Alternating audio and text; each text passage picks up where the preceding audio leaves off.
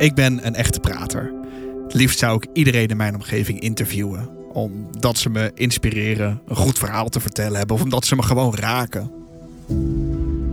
Dat kan om verschillende redenen. Bijvoorbeeld een uh, muzikus die klassiek piano speelt, zoals Lucie. Ik heb altijd heel veel muziek geluisterd. Ik had meer tijd bijvoorbeeld als mijn moeder was, ja, kan je je nu voor moeten gaan, je moet je schoen aandoen. Het kost mij meer tijd om een liedje te vinden om mijn schoen aan te kunnen doen dan mijn schoen zelf direct aan te doen. Dus dat was altijd echt uh, iets voor mij uh, belangrijk. Maar ja, deze je had, moment... Je had zeg maar voor alles muziek. Ja, ja. Het, ik had, het moest altijd daar zijn. Hilbert, die als theaterliefhebber aan mensen die niets of weinig zien omschrijft wat er op toneel gebeurt. En dat doet hij als blinde tolk. Ik raak geïnspireerd door theater, maar ook door muziek. Als het een goed theaterstuk is, zit ik te huilen. En die ontroering die ik voel, die ik krijg als ik naar theater kijk, die inspireert mij om het ook aan andere mensen te willen laten voelen. Aan iedereen. Ik gun iedereen dat gevoel wat je krijgt van mooi theater of mooie muziek.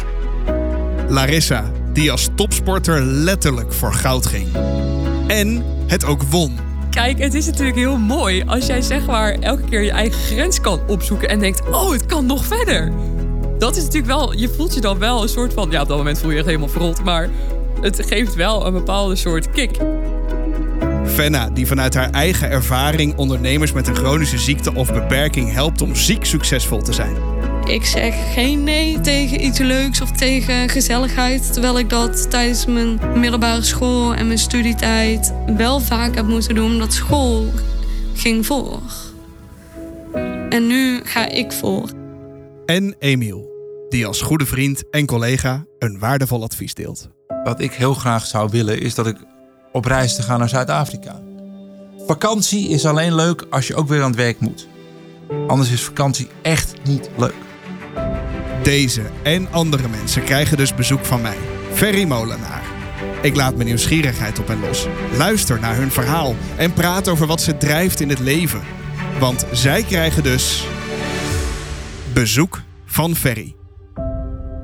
Ga je mee op bezoek? Abonneer je dan via Spotify of via welke app je ook maar naar je podcast luistert. Kijk op ferrybezoekt.nl.